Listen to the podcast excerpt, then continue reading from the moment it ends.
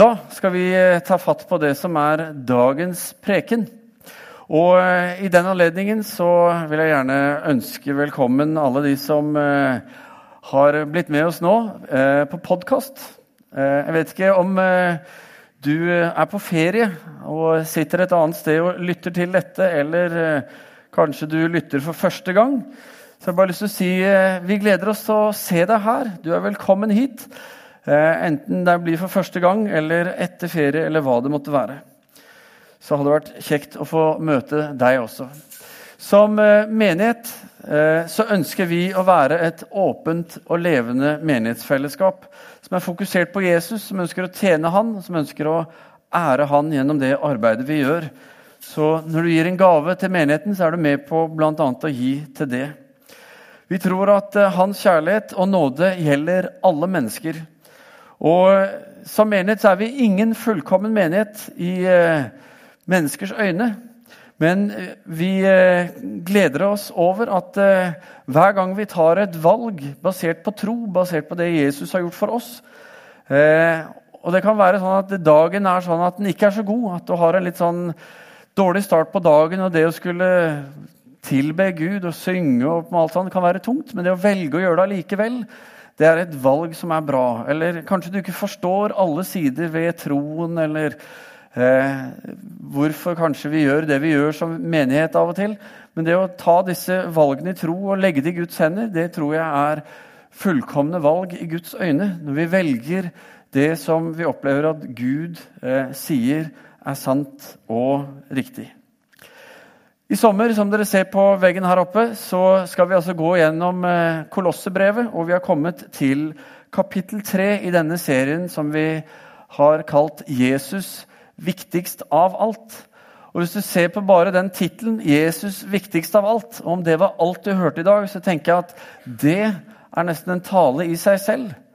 For Hvis du tar og bare begynner å tenke gjennom alle konsekvensene i hverdag og liv, hvis vi på en måte lever dette fullt ut og tenker at ok, i alt så skal Jesus være viktigst av alt, så ser vi at ok, dette er en eh, et ganske stor eh, påstand, en ganske stort statement. Men vi opplever det at eh, dette er på en måte en god måte å oppsummere det Kolossebrevet handler om. Jesus er viktigst av alt. Og dagens eh, preken har jeg gitt tittelen 'Det gamle versus det nye. Altså det gamle i kampen mot det nye. Men vi kunne også kanskje kalt det meg versus Jesus.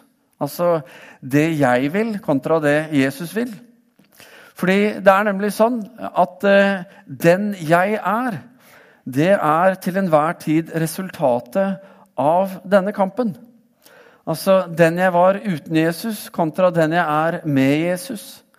Eh, den jeg er i meg selv, altså når det er bare meg det handler om, eller den jeg får være i Jesus. Eh, derfor er nettopp elementene i denne kampen eh, noe som vi alltid trenger å ha et bevisst forhold til. Hvem er Jesus? Hva har han gjort for oss? Og hvordan kan han få plass i livet vårt? Nettopp fordi Jesus er viktigst av alt. Da Paulus eh, satt i fengsel Han gjorde det flere ganger. Men første gang han var fengslet i Rom, så fikk han høre fra Epafras. Epafras hadde vært med og plantet menigheten eh, i Kolosseum, altså, som Paulus da har skrevet dette brevet til kolosserne. Og Han fikk høre fra Epafras at eh, nå var det kommet vranglære i menigheten i Kolosseum. Og denne vranglæren det var en blanding av gresk filosofi, av jødisk loviskhet og av mystisisme. Og eh, kjernen i denne vranglæren som var liksom begynt å slå rot inn i menigheten eh, til kolosserne, det var at Jesus egentlig ikke var Guds sønn. Altså Han er ikke Guds sønn, var det de lærte. Og Epafras fikk formidlet dette til Paulus. Og eh, dette danner jo da bakgrunnen for hvorfor Paulus skriver dette brevet til menigheten. Fordi hvis du tar bort det at Jesus er Guds sønn, så du, slår du på en måte beina under hele den kristne troen. Dette er jo et, et veldig, veldig hovedelement i den kristne troen. At det Jesus er, og det han gjør, det gjør han i egenskap av å være Guds sønn. Så Derfor skriver altså Paulus for å klarne opp i dette. Så la oss begynne med det spørsmålet som Paulus begynner med i den teksten som Kari leste i stad. Og det er dette spørsmålet. Er du reist opp med Kristus? Er du reist opp med Kristus? Og det Paulus spør om, er følgende. Han spør Da Gud reiste Jesus opp fra de døde, sto du opp fra de døde sammen med han? Er det Paulus spør om når han spør er du reist opp med Kristus? Vi skal se litt nærmere på hva dette handler om, hva det betyr. For det kan være et spørsmål du kanskje ikke har reflektert over eller hørt om før. Men et grunnleggende element i vår forståelse av Jesus, hans død og oppstandelse, det er følgende. For det første at han var 100% Gud og 100% menneske. Både Gud og menneske. Eh, at når han ble menneske i kjøtt og blod, så opphørte han ikke å være Gud, men han ga avkall på sitt eget, som Paulus sier. Altså han la fra seg sin makt og sin evne til å på en måte gjøre alt det Gud kan gjøre. Altså Han ble mennesker lik, men han var fremdeles eh, Gud. Han var fremdeles Guds sønn. Videre så at, eh, er det viktig at han var uten synd. Han ble dømt uskyldig, og han lot seg drepe. Altså, Vi leser om Jesus at han eh, forteller disiplene at når jeg går inn i Jerusalem, så kommer jeg til å bli tatt til fange. Det kommer til å ende med død. Så han vet hva han går inn i. Han velger å gå inn. Han lar seg selv drepe. Og videre at han tok på seg straffen for all verdens synd. Så når Jesus dør på korset, så bærer han straffen for all den synden som var begått fram til det punktet. Men han dør også for den synden som skjer der og da. Sånn at når Jesus henger på korset, så til og med der ber han om tilgivelse. For han ber Far, eh, tilgi dem, for de vet ikke hva de gjør. Han ber for de som korsfester han. Men ikke bare det som har vært, og det som skjer der, men all fremtidig synd fram til jordens ende, fram til Jesus kommer igjen. All verdens synd og straff bærer Jesus på seg. Og også bar han all verdens sykdom. Det er ganske mye. Eh, men det som er interessant, er at eh, Jesaja, en profet som levde ca. 700 år før Jesus, han var en profet, altså en seer. Han fikk ting fra Gud som han formidlet. Og han fikk se Jesu offerdød. Han fikk se hva som skulle skje en dag. Og I Jesaja 53 så kan vi lese hvordan han beskriver det. Han sier sannelig våre sykdommer tok han, eh, tok han. Våre smerter bar han. Vi tenkte han er rammet, slått og plaget av Gud. Men han ble såret for våre lovbrudd. Han ble knust for våre synder, og straffen lå på han. Vi fikk fred. Ved hans sår ble vi helbredet. Vi gikk oss alle vill som sauer, hver tok sin egen vei. Men skylden som vi alle hadde, den lot Herren ramme han. Er du oppreist med Kristus? Det er et viktig spørsmål. Og Paulus snakker om det her i Kolossebrevet 3. Eh, og flere andre av brevene sine så snakker han om dette. Og kanskje klarest finner du om dette i Romerbrevet 6. Nettopp det at det er gjennom Jesu død og oppstandelse og, at, eh, og hva som skjer med oss, at når vi tror på Jesu død og oppstandelse, at han bar all verdens synd, det er nettopp da at vi eh, får ta imot hans tilgivelse. At vi får lov til å leve et liv i rettferdighet på tross av at vi fremdeles er i denne kampen mellom det gamle og det nye. Mellom det som vi ønsker å være, og det som Gud gjennom Jesus har gjort for oss. Paulus sitt bilde på dette er som følger. Han sier at fordi synden lever i oss, og fordi synden hadde makt over oss, så måtte syndens makt brytes.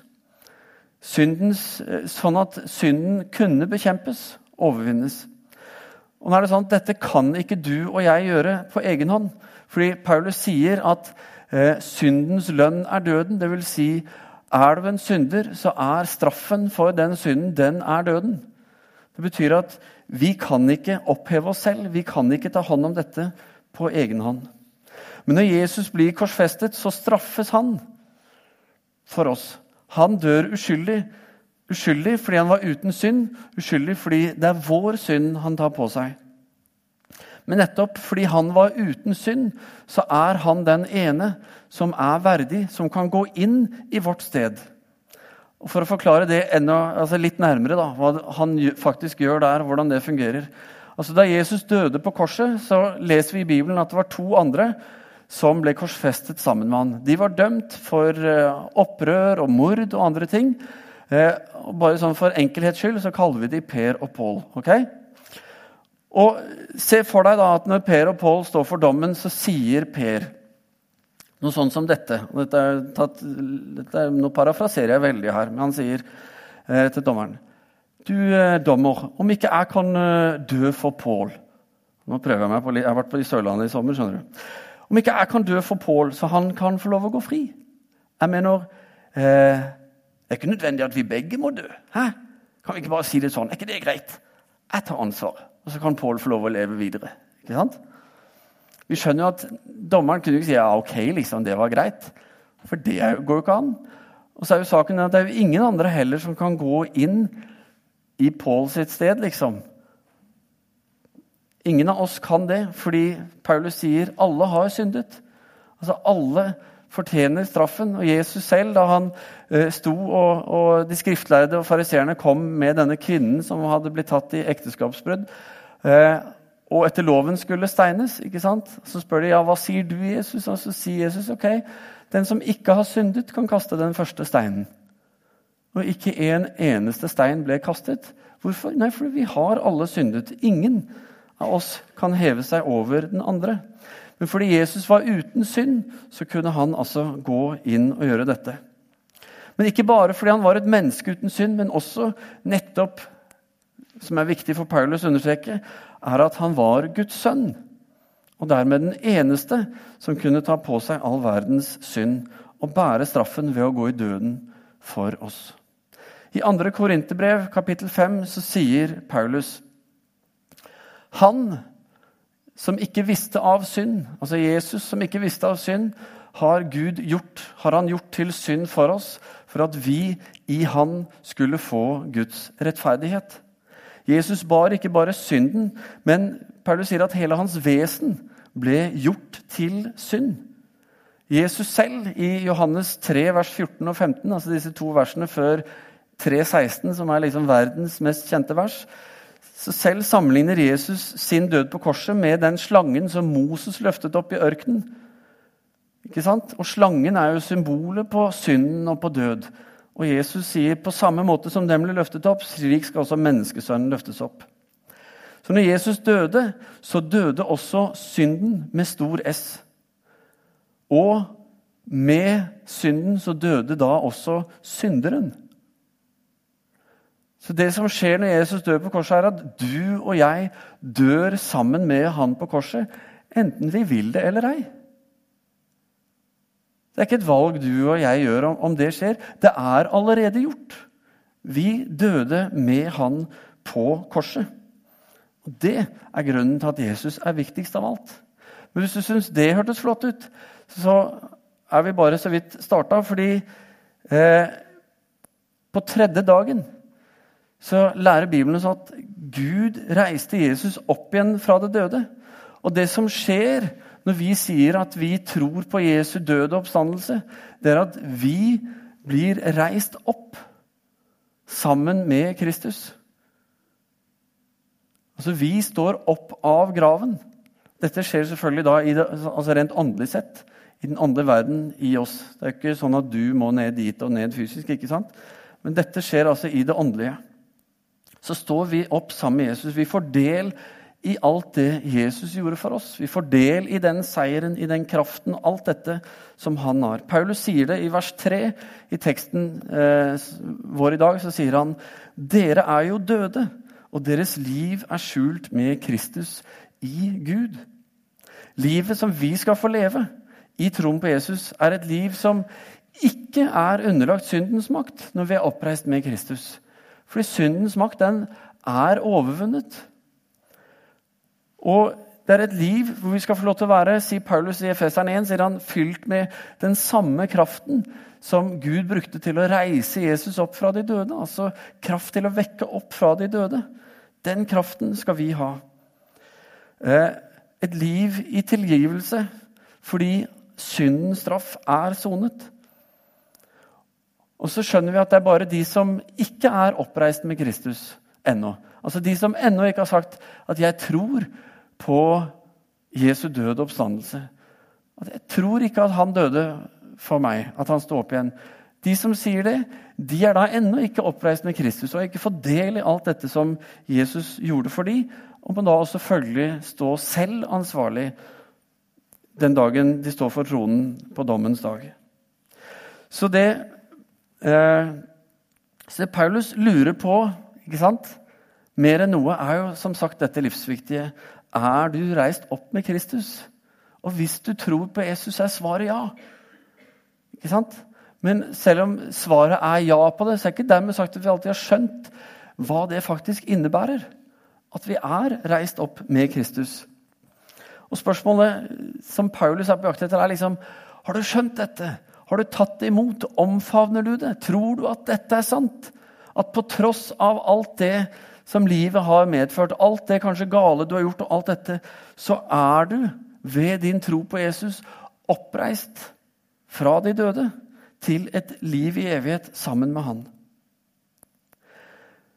Men djevelen ønsker at vi skal tro at han har makt over oss. Han er den som hvisker liksom, 'Har Gud virkelig sagt det?' 'Nei, det kan ikke stemme.' Og, 'Jeg tror ikke du klarer det denne gangen heller.' Og, 'Nei, bare gi opp. Du lever ikke opp til Guds standard.' Alle disse småløgnene som etter hvert tar tak i oss, og som lurer oss. ikke sant? Som gjør at vi dømmer oss selv for at ikke vi er gode nok, for at ikke vi klarte og alt dette her. Og mang en gang så har jeg fått høre 'Hadde du bare visst hva jeg har gjort'.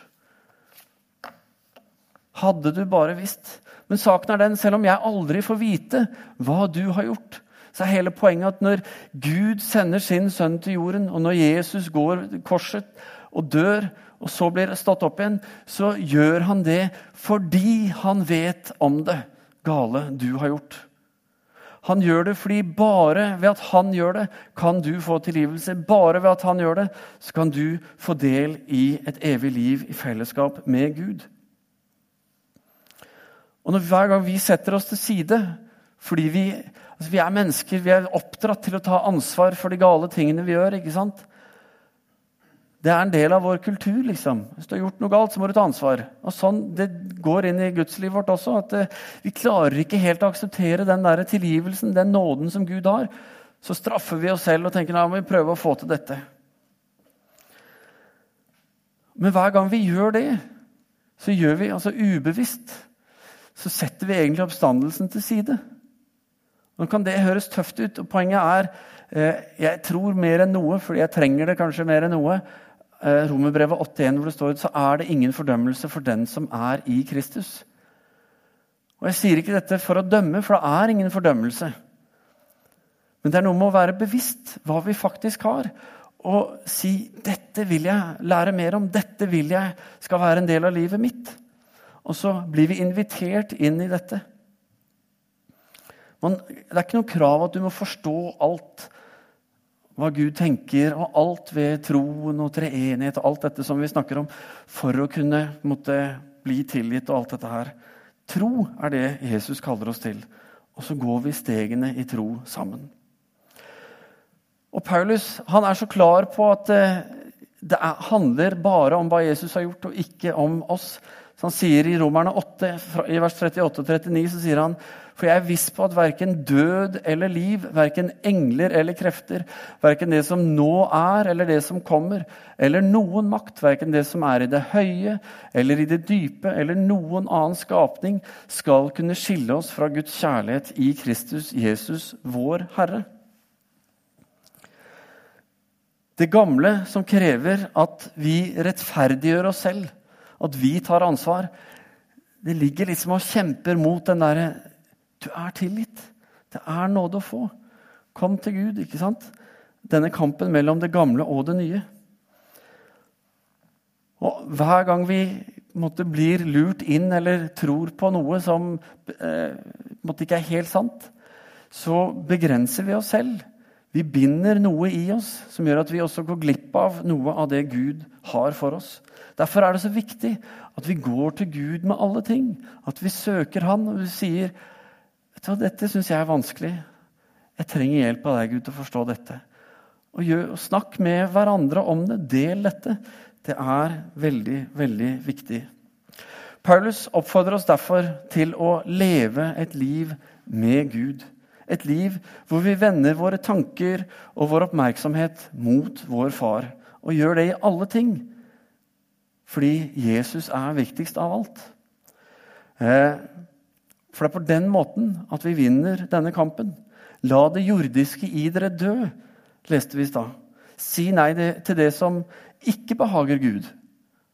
Og så kommer det en liste med kanskje ting som vi ikke kjenner er liksom helt oss. Altså hor, urenhet, eh, lidenskap, ondt begjær. Det betyr at det er noe godt begjær. Da. Det er jo fint. ikke sant? Eh, grådighet, som er avgudsdyrkelse, sa han. ikke sant?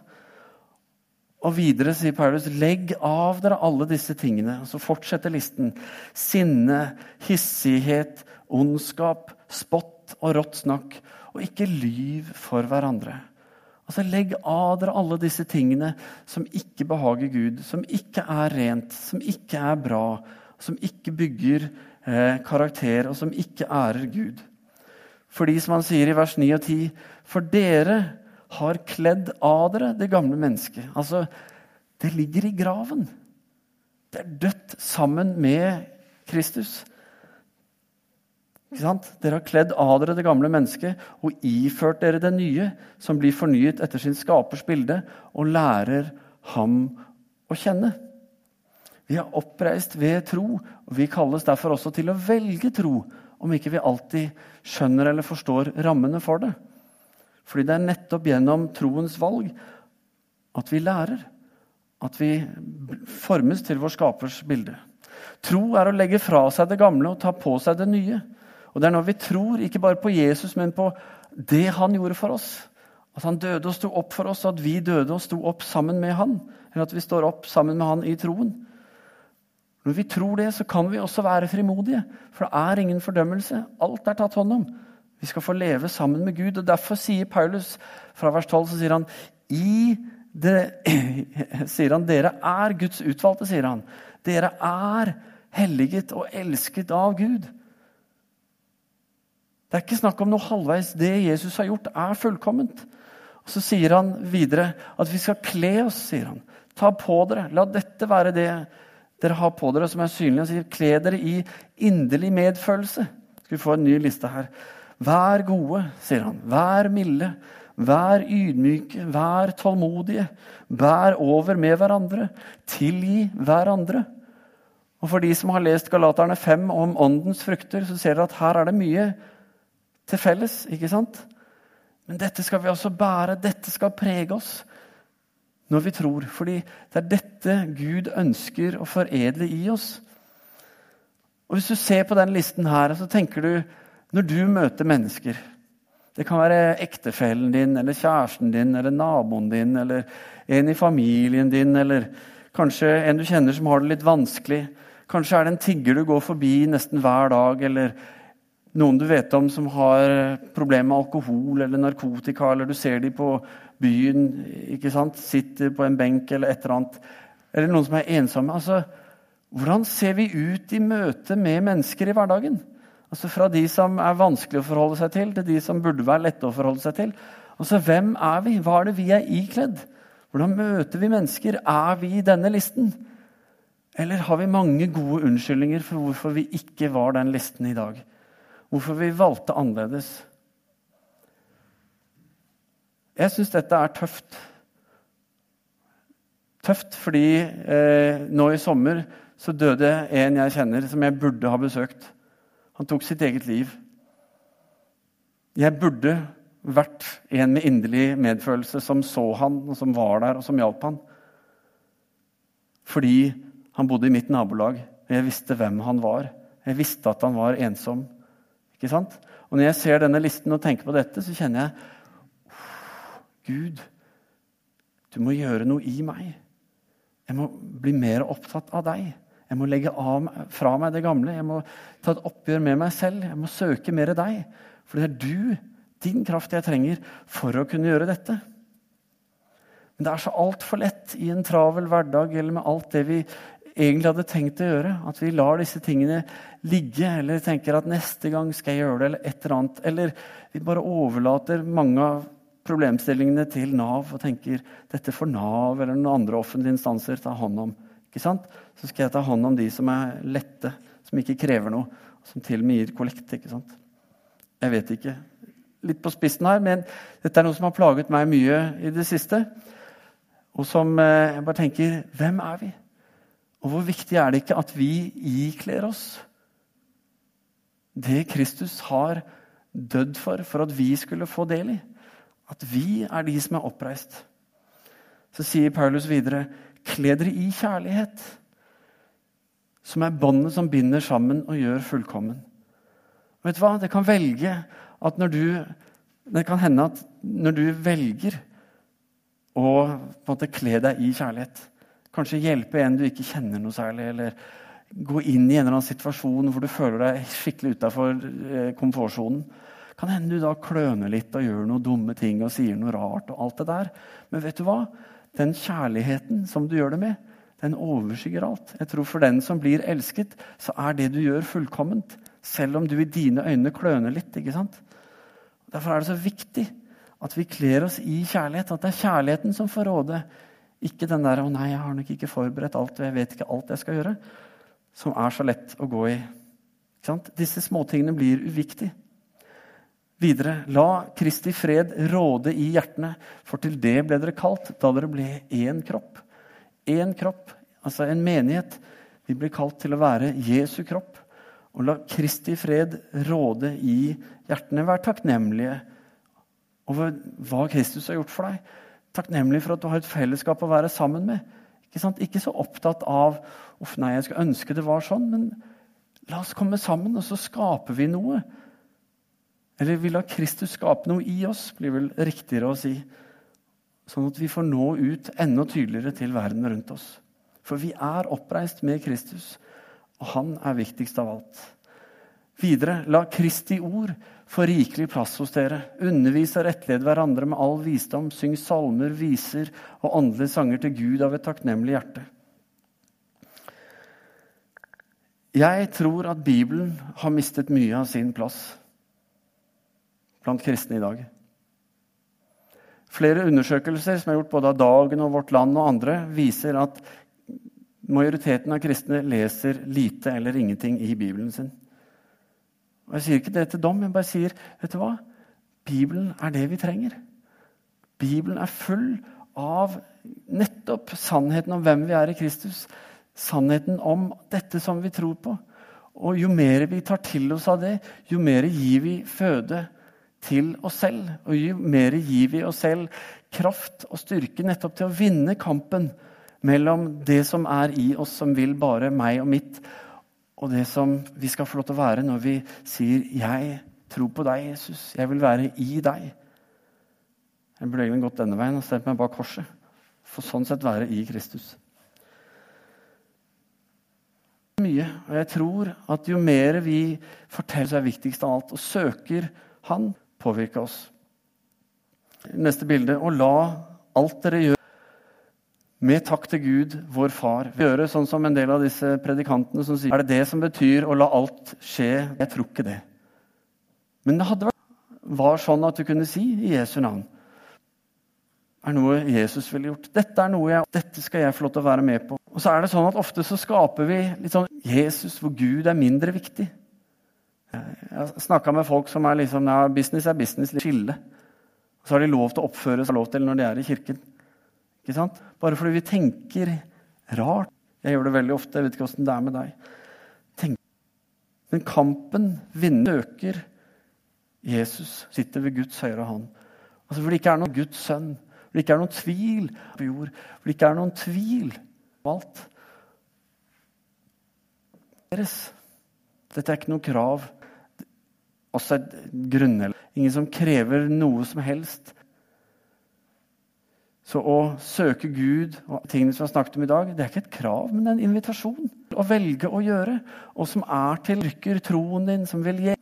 Og jeg tror det er nettopp ved de gode valgene som jeg tror i Guds øyne er fullkomne, fordi vi sier gjennom valgene våre at 'jeg tror på deg, Jesus'. Jeg tror at du er viktig.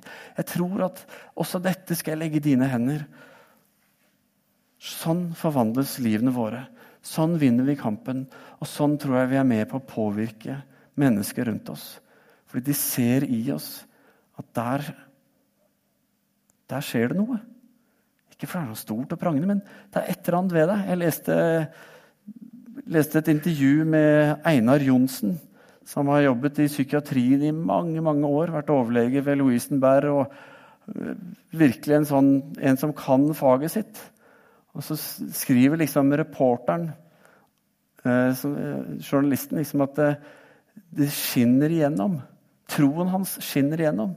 Her har vi en som er ydmyk, en som, ikke, som har all grunn til å si 'dette er viktig, dette tror jeg på, dette må det være', ikke sant? og benytte denne anledningen. Hun sa det på en sånn måte. Det var aldri sånn derre Han tror på Jesus, eller sånn, men fordi jeg kjenner Einar, så visste jeg Så så jeg liksom at dette så hun også. Dette skinner igjennom. Og det er noe med det der. Hvem er vi som mennesker? Hva har vi ikledd oss? Og er vi oppreist? Og det er vi når vi sier 'ja, jeg tror'. Og så inviteres vi til å søke inn og få mer av det, nettopp ved å venne oss til Gud.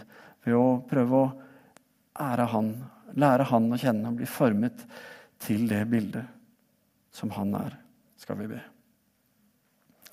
Kjære himmelske Far, jeg takker og priser deg, Herre, for at eh, det er du som har kommet til oss.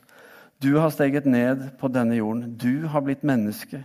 Du har gått inn i vårt sted, tatt på deg vår straff, vår skyld. Du har sonet vår dom, Herre. Du har båret all vår sykdom. Og så har du overvunnet syndens og dødens makt. Og så inviterer du oss til å tro at dette er sant. Så sier du at når vi tror det, så blir vi reist opp sammen med deg inn i dette, eh, dette livet i tro, dette evige livet. I kraft, i nåde, i kjærlighet og tilgivelse og fred, Herre, som du har for alle som tror på deg. Og Jeg ber, Herre, at du skal tale i denne stunden inn i hjertene våre, Herre. For du ser eh, flere av oss har områder som vi syns det har vært vanskelig å akseptere at også dette har du tilgitt, Herre. Eller vi har eh, ting som synd kanskje som går igjen og igjen i livene våre, Herre. Herre, gi oss styrke til å si Nei, vet du hva? Dette kan jeg overvinne. Dette har jeg makt til å overvinne. Dette har jeg i Jesus. Og bare invitere deg, Jesus, inn i den situasjonen. Og vi gjør det nå, Herre. Kom du og tal, Herre, til alle som ber den bønnen, Herre, om at du skal komme og nettopp hjelpe dem i dette. Og så ber jeg, Herre, at eh, du skal åpenbare for oss langt mer enn det vi har fått høre her i formiddag, her, men åpenbare hva dette egentlig betyr, og hvordan det kan få innvirkning på våre liv, Herre. Hvordan det kan være til velsignelse ikke bare for oss, familien vår, men naboer, storfamilie, kolleger, alle som vi møter, Herre.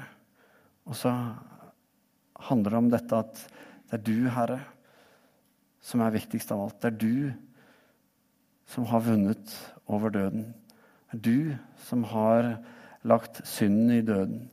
Og det er du, Herre, som troner til evig tid. Og så inviteres vi til å være sammen med deg og trone sammen med deg, Herre. Velsigne oss, Herre. Hjelp oss, styrk oss, åpenbar, Herre, ditt liv, din sannhet for oss. Det er vår bønn, Herre, i Jesu navn. Amen.